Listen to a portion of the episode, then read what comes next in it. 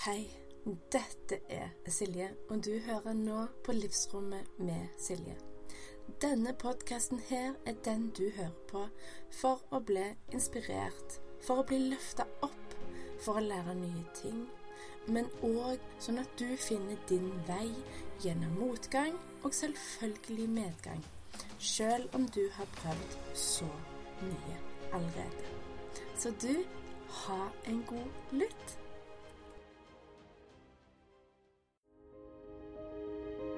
Denne episoden her er sponsa av naturalis.no naturales.no. Og det jeg liker så godt med den butikken, er at for, for mødre, for eh, travle damer og At den har så mye av det jeg liker å bruke. Og eh, adaptogene urter, sånn som ashwagandha, makka, rosenrot og andre. Det har de. Så det, hvis du kjenner at du har lyst på litt mer balanse, har lyst til å teste adaptogene urter, så er rett og slett naturalis.no det er plassen å klikke deg inn på.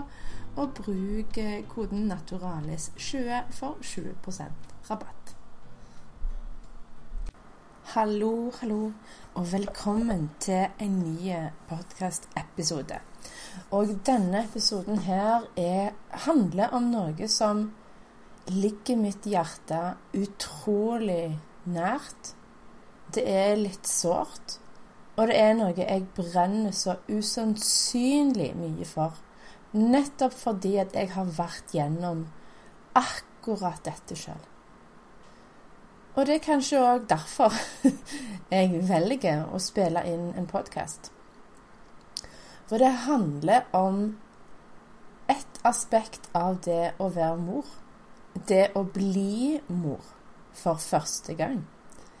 Fordi at når vi har Veldig mange av oss har ulike grader av flink pike med oss. Hvor vi har veldig lyst å på en måte tilfredsstille alle andre. Vi vil passe på andre.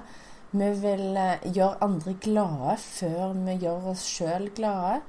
Vi tror at hvis vi klarer å få sekser i alle de brøkdelene av livet vårt, at da er vi bra mennesker. Det her er da flink pike, satt på spissen etter mitt perspektiv. For jeg har sjøl vært en, en flink pike. Eh, og du har kanskje fått med deg at jeg har hevet hun ut i, la oss si, åttende etasje, og hun er ikke lenger.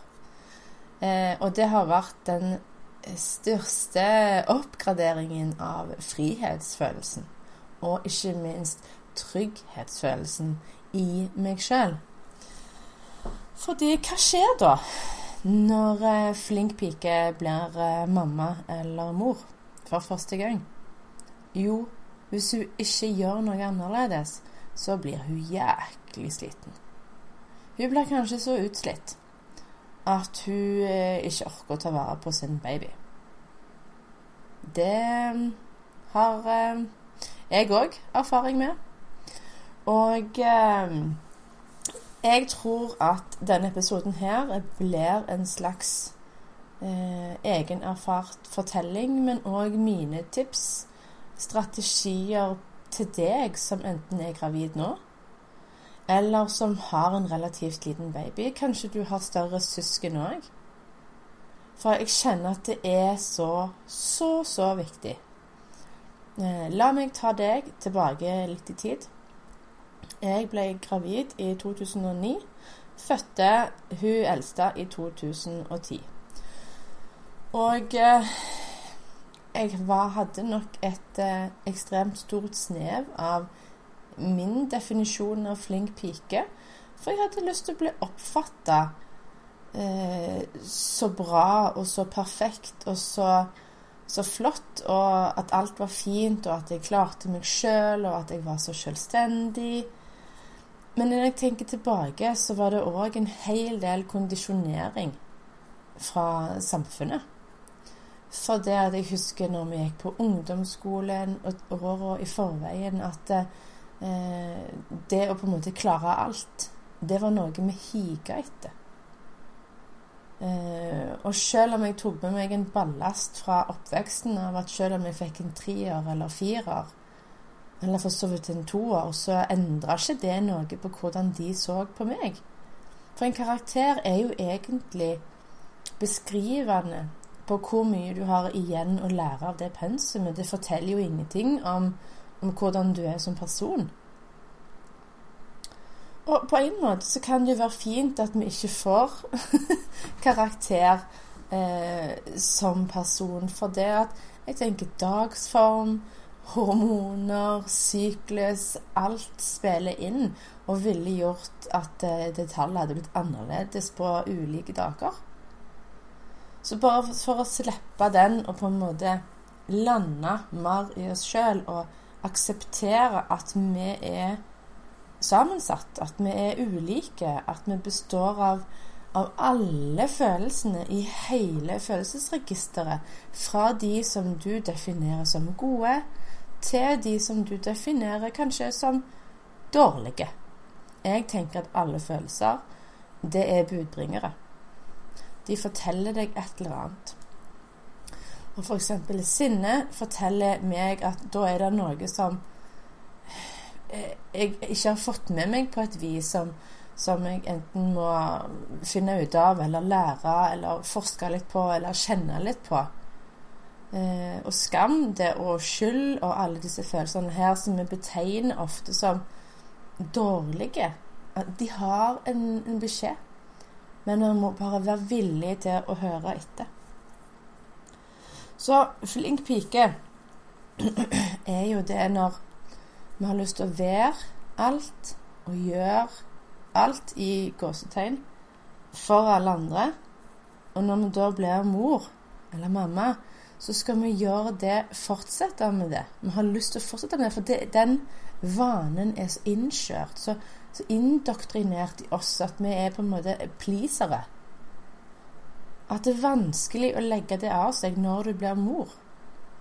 Så da skal du i tillegg til å være og gjøre veldig mye for alle andre, så skal du ta vare på en nybakt baby. Eh, og hvis du kjenner noen som har hatt en, en nyfødt baby, eller om du sjøl har hatt, så vet du at det ikke er en dans på roser. Det er De første månedene er gjerne, for å sette det på spissen, utenomjordisk hare. Det, det, er et tidspunkt hvor du skjønner at eh, Hvor du tenker. I nattevåk, eh, gulp og spy og eh, pluss, pluss, pluss, pluss, pluss. At du tenker at Hvordan skal jeg klare dette? Og eh, believe me, you are not alone, som har tenkt den tanken. Eh, med hun første så hadde hun eh, flere ekstremt heftige uker med kolikk. Og når du tenker gjerne ha-ha-ha, bare uker. Men eh, fødselen var veldig hard. Og hvis du har lyst til å høre mer om fødslene mine, så er det en podkast eh, som er gjester, som jeg kan linke til. Så kan du få høre forskjellen De si, eh, ekstremt store forskjellene på mine tre fødsler. Eh, men etter fødsel nummer én så var jeg helt utslitt. De omtalte meg i gangene på barselhotellet på SUS som hun hvite. Eh, Fordi jeg hadde Jeg følte som jeg hadde nesten ikke blod igjen. Eh, jeg hadde nok mista en del blod, altså. Men eh, det var ingenting igjen av meg. Hard fødsel. Gikk over tida. Og eh, så skulle vi komme hjem og ta vare på dette her lille nyfødte søte jenta. Og attpåtil så lå hun i sånn uh, pute, sånn hofteleddsdysplasi, en eller annen mildegrad, men hun måtte være i puta i fire måneder. Eh, og en hofteleddsdysplasi uh, baby i puta med kolikk, det var ikke akkurat min drømmestart av motherhood. Eh, så vi prøvde å sove på skift, mens den andre tok vare på og bussa natta rundt. Eh, for hun var jo òg, selv om hun ville være nær og få hudkontakt og høre hjertelyd og sånt, så, så vrengte hun seg vekk, og det var tydelig mye ubehag. Eh, og det var starten. Melka kom ikke på plass med en gang. Eh, det tok tid, for det at du vet det gjerne òg, men stress gjør jo at de naturlige prosessene i kroppen tar lengre tid. Dess mer du stresser, dess oftere kan det ta lengre tid. Eh, så det var pumping midt på natta, så selv om hun en eller annen gang sov, så sto jeg opp for å pumpe. Det var masse mirakels. Og det jeg òg har hørt med folk jeg har snakket med i åra etterpå, er det alle disse gode rådene man får. For man får bøttevis av råd. Man får tonnevis av råd fra folk du ikke har spurt om råd engang. Det kan være dama, nabodama. Det kan være ei tante, det kan være ei mor, det kan være ei søster, svigerinne, svigermor, whatever. Men det som de ikke tar i betraktning, det er jo det at ungene er så forskjellige, foreldrene er så forskjellige, at selv om noe funket i 19 pil og bue, trenger det ikke bety at det funker i dag. Iallfall ikke med din unge. Og det helsestasjonen sier Nå skal jeg være litt frekk. Det helsesøster sier, det er nødvendigvis ikke sannheten for deg og ditt barn. Og her har jeg hørt så mye, og jeg har sjøl erfart at de sier det gjerne med beste mening og de beste forutsetningene for Og de vil jo hjelpe, og jeg skjønner det. Men jeg tror det hadde vært lurt å ha litt mer skjønn. Litt mer gråsoner imellom riktig og galt. Fordi at det er ikke en mal som passer til, til babyen. Eh, og da gjelder det både med amming eh, Det gjelder gjerne med søvn. At, eh, jeg fikk nylig høre fra noen som har nylig blitt foreldre, at de hadde fått beskjed fra helsesøster at det hadde vært rart at babyen deres ikke sov rundt om natta. Og babyen var ikke gammel. Jeg trodde nesten ørene mine skulle dette av når jeg hørte dette. Jeg bare Hæ? Vi er i 2021. Hva søren? Så jeg vil bare presisere til deg som er nybakt, eller relativt nybakt, men òg litt usikker på liksom, Er du Er du god nok? Ja, du er god nok. For det jeg tenker, etter min erfaring, etter mine tre babyer, mine tre svangerskap, mine tre fødsler At du vet egentlig best sjøl. Hvis du våger å stole på deg sjøl som mamma, eller for så vidt som pappa, eller som fødende, eller som gravid, at da vil du egentlig vite hva du skal gjøre. Og da i, i forhold til skrikekur, søvn, amming, mat, fast føde, eh, bæring, nærhet, bleier Alt det som angår en baby. Nå, nå tok jeg sikkert ikke alle temaene engang. Men hva er riktig for deg? Hva er riktig for din baby? Hva er riktig for resten av familien. For det at vi er så forskjellige, og vi har forskjellige behov, og det gjelder òg for babyene. Og så vil jeg at du skal våge å gjøre feil. Gjerne ikke sånn superfarlige feil, men du skal våge å prøve. Og i en prøve, prøvingprosess så gjør man feil, så finner man ut Nei, oi sann, det funka ikke sånn som jeg hadde. Men da justerer jeg. Sånn var det Sånn var det for meg iallfall å bli kjent med mine babyer. Og de var forskjellige, men vi har jo en tendens til å sammenligne for sånn Når jeg fikk nummer to, så var det sånn Ja, men hun eldste gjorde jo ikke dette. Så man fikk stadig nye læringer og bare sånn Å ja. OK, ja, men, okay, men da kan vi ikke gjøre sånn. Og eh, det som jeg òg må belyse, som er bare helt utrolig, utrolig viktig, det er hva er grensene dine? Grensesetting er noe som er på en måte litt tidsaktuelt. Eh, og veldig relaterbart til flink pike. For når man er flink pike, så både er det gjerne lettere å la folk trampe over grensene, men òg gjerne på en måte si ja når du egentlig mener nei. Så du tramper over dine egne grenser òg. Så det å bli bevisst, gjerne relatert til babyen Hva er greit, hva er ikke greit? Når vil vi ha besøk? Når eh, orker vi ekstra eh, middagslaging? Altså alle tingene som i, i, huset og husholdningen blir jo på en måte litt annerledes når man har en helt ny baby. For det, det er ikke det som er førstepri. Og er du så heldig så har noen som kan komme og hjelpe deg å rydde og, og fikse og lage mat eller komme med mat, så er jo det helt fantastisk. Og det er ikke uten grunn.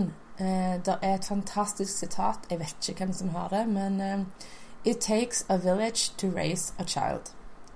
Det er ikke meninga vi skal gjøre det alene. Det er ikke meninga at du skal gjøre det alene. For det at du klarer ikke alt alene. Og dess raskere du og på en måte alle andre klarer å komme til den konklusjonen og lande i det, at det er helt OK å spørre om hjelp. Og av og til er det ikke OK. Det er fantastisk. Det er nødvendig. Det er livsbevarende. Det er eh, sanity-bevarende. Det, det, bevarer Det å si liksom Rekke opp hånda bare um, Kunne jeg fått hjelp med det?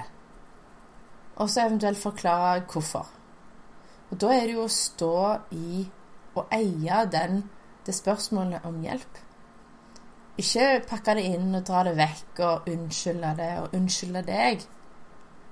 For det at tant, eldre tanter og mødre og bestemødre og svigerinner og svigermødre De har nok erfaring, de òg. De vet at det er ikke lett. Og jeg tror at folk vil veldig gjerne hjelpe om de får muligheten. Og da vil jeg at du skal tenke Hvor mye skal du gjøre for alle andre? Hvor går grensene dine? For du kan ikke fortsette sånn som så før du var gravid. For graviditeten i, i seg sjøl er jo en stor omveltning. Og fødselen er òg. Og hvor mye skal du gjøre for å opprettholde fasaden du kanskje hadde innarbeida i forkant av graviditeten?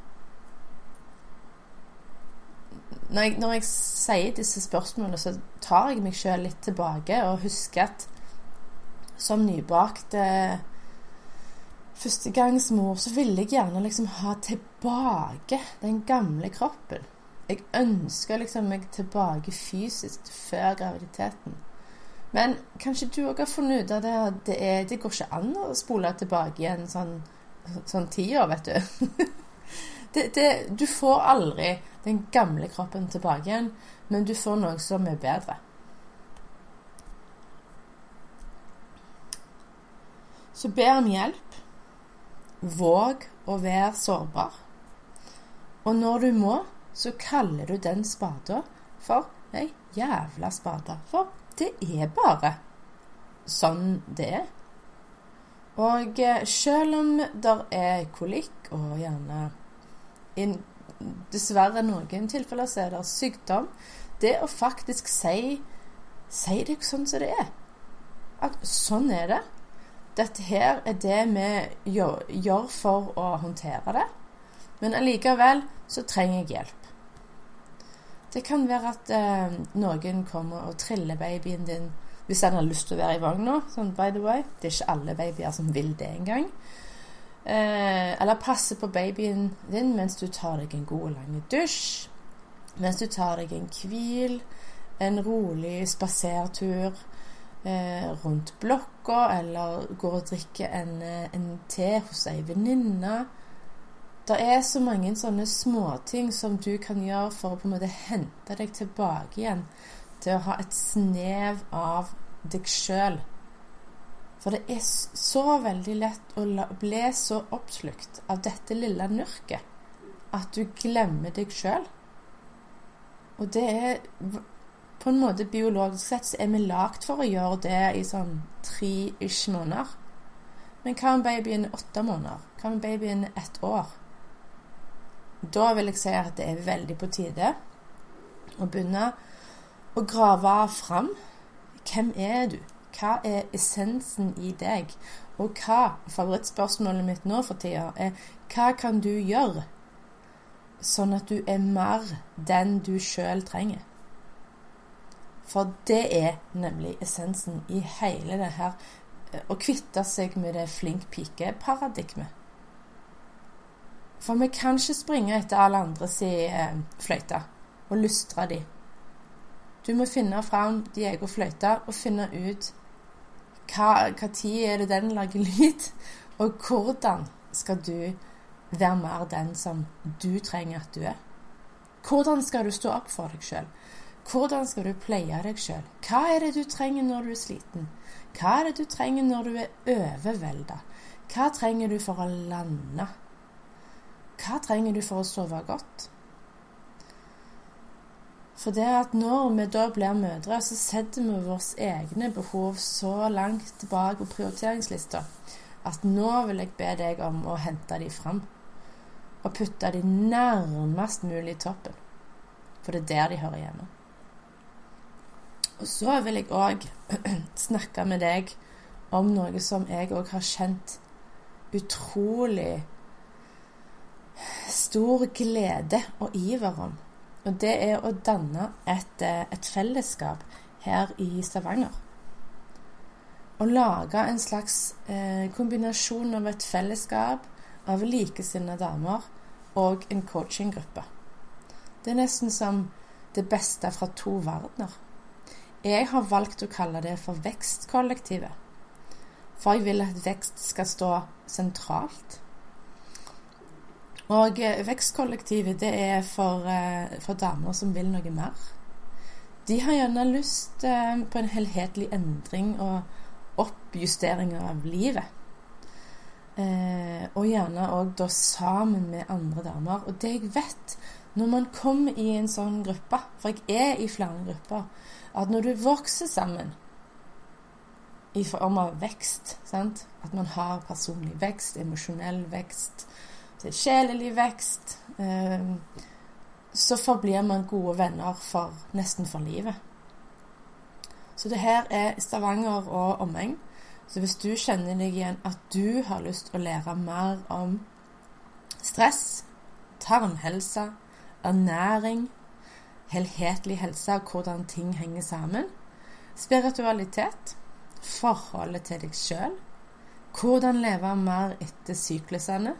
Jeg elsker det. Og ikke minst grensesetting og energi. Og kropp. Så vil jeg at du sender en e-post, og jeg legger e-postadressen til i the show notes. Og eh, jeg ser fram til å åpne hjemmet mitt for eh, dette her. Og i tillegg så gjør vi det enda bedre med at vi lager lunsj sammen, eller et måltid sammen, og spiser rundt langbord og eh, kose oss. Og eh, det kommer til å bli helt fantastisk. og jeg vet at det er de rette som vil bli med. Men jeg vil òg invitere deg med, så hvis du kjenner at dette her kjentes riktig ut, så er du hjertelig velkommen. Eh, og da kan jeg òg legge med lenker til en Facebook-gruppe hvor alle som er interessert, kan bli med. Og det er helt uforpliktende å bli med i Facebook-gruppa. Det er rett og slett kun for å samle de interesserte én plass, og planlegge både tidspunkt og tema. Eh, mer informasjon finner du òg i den gruppa, men òg i en av de siste postene mine på The Gram. Instagram, altså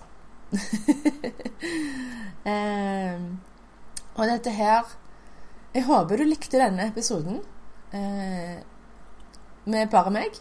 For innimellom så liker jeg å ha sånne soloepisoder hvor jeg eh, forteller om det jeg har gått gjennom, det jeg har erfart. Eh, tips og triks. Og eh, jeg har fått veldig mange gode tilbakemeldinger. Og en periode så var den mest nedlasta episoden av alle. Det var episoden med kun meg i, som var den med 'Aldri mer ble utslitt eller utbrent'. Så yay! Veldig kult. Um, ta gjerne screenshot av episoden og del på Instagram. Tagg meg gjerne, og send til så mange du vil som trenger å høre denne. For jeg er sikker på at du vet om mange som enten er gravide, har nettopp født, eller har født for en stund siden. Og du, klem fra meg!